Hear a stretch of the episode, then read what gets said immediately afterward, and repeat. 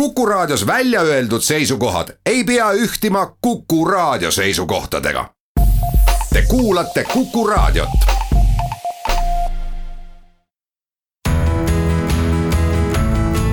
kuku Raadio nädala kommentaar. tere, mina olen Indrek Leppik ja täna teeme juttu teaduspõhisest poliitikast.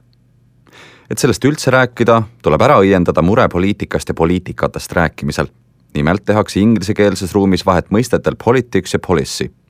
esimene neist toimub näiteks parlamendisaalis, teine ilmsesti ministeeriumides ning mujal ametkondades. meil on need asjad aga üks poliitika kõik ja nagu keel ikka, mõjutab ta nii ka mõtlemist ja selle mustreid.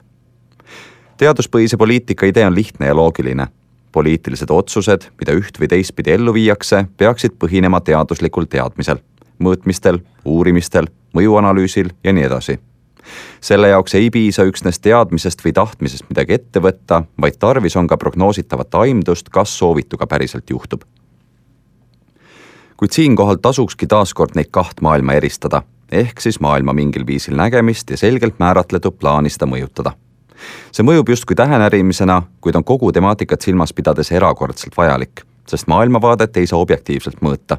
meil on need asjad tihtipeale aga segamini nagu on korduvalt teadlased, analüütikud kurtnud, ei võta riik uuringuid ja mõjuanalüüse tõsiselt. Neid tellitakse, sest peab, kuid pigem kasutatakse juba olemasolevate programmide õigustamiseks. niisamuti pikitakse sealt üksnes sobivaid soovitusi ja märkusi. ka sellest peegeldub nende poliitika mõistete eestikeelne hägusus, justkui püütakse maailmavaadet mõõta ja siis sellele kinnitust saada.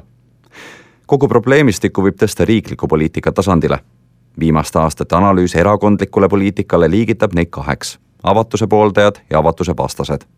teisisõnu need, kes näevad rahvusvahelist koostööd üksteist võimendava jõuna ning need, kelle silmis on ühe võit pigem teise kaotus, rääkimata suveräänsusküsimusest laiemalt. see on maailmavaade, mõlema seisukohaga kaasnevad nii positiivsed kui ka negatiivsed majanduslikud tagajärjed avatus on avatus ideedele, tööjõule ja kapitalile, aga avatus ka sellega kaasnevatele probleemidele. suletus pöördvõrdeliselt samamoodi kuid mõlema poole jaoks on tegu justkui objektiivsete seisukohtadega, mida saab arvudes edasi anda. jah, avatud majandus ja liberaalne maksukord loob rikkust kõige paremini, kuid suurendab ka ebavõrdsust.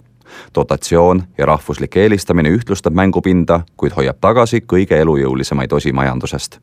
Need on muidugi äärmused ja poliitika toimub pigem kuskil keskel, nagu ikka majanduse kõrval eksisteerib aga ka kultuur ja inimühiskond oma kõigis muudes tahkudes. ja kui see, mis on positiivne majandusele, mõjub negatiivselt millelegi, mida rahas raskem mõõta, on see oluline osa, mida ei saa kõrvale heita. seda, et väärtusvalikuid mõõta ei saa, ütlevad ka teadlased ise. jälgides poliitikat, jääb aga pahatihti muljet, justkui saaks. seega üleskutse teaduspõhiseks poliitikaks mõõtkem ikka mõõdetavat ja selleks, et ideed ka soovituna välja kukuks. selliseid küsimusi seisab Eesti ees omajagu olgu tegu kas või meie pensionitega, mille teise samba raputamine päevakorras on. debatt maailmavaate üle peab jääma ja eri ajahetkel ongi vaja eri lahendusi, olgu siis paremalt või vasakult. see tasakaal demokraatiat kannabki. kuid maailmavaatest lähtuvad otsused peavad oma reaalset mõju arvesse võtma. selle suhtes tuleb olla aus nii iseendaga kui ka eelkõige nendega, keda see mõjutab. aitäh tähelepanu eest! kuku raadio nädala kommentaar